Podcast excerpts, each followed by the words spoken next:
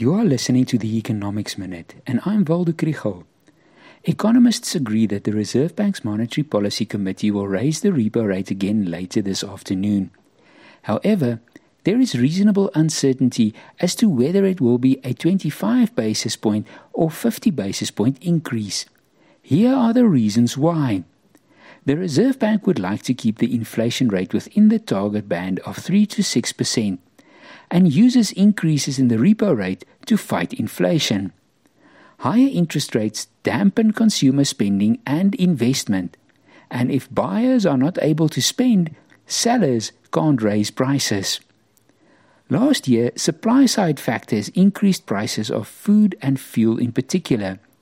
The Reserve Bank reacted early, raising the repo rate and starting to dampen spending. Inflation peaked in July and then slowly declined. The rate was 6.9% for 2022. There are a number of signs that inflation will continue to fall and that large repo rate increases will no longer be necessary. However, there are also forces at work that can cause the inflation to rise again, and then a preemptive, larger increase will be necessary.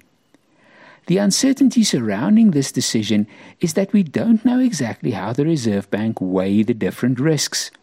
For example, load shedding dampens economic activity and spending, and this reduces pressure on prices.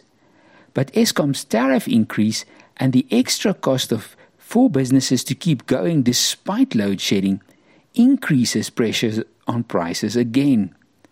How will these things play out over the next year?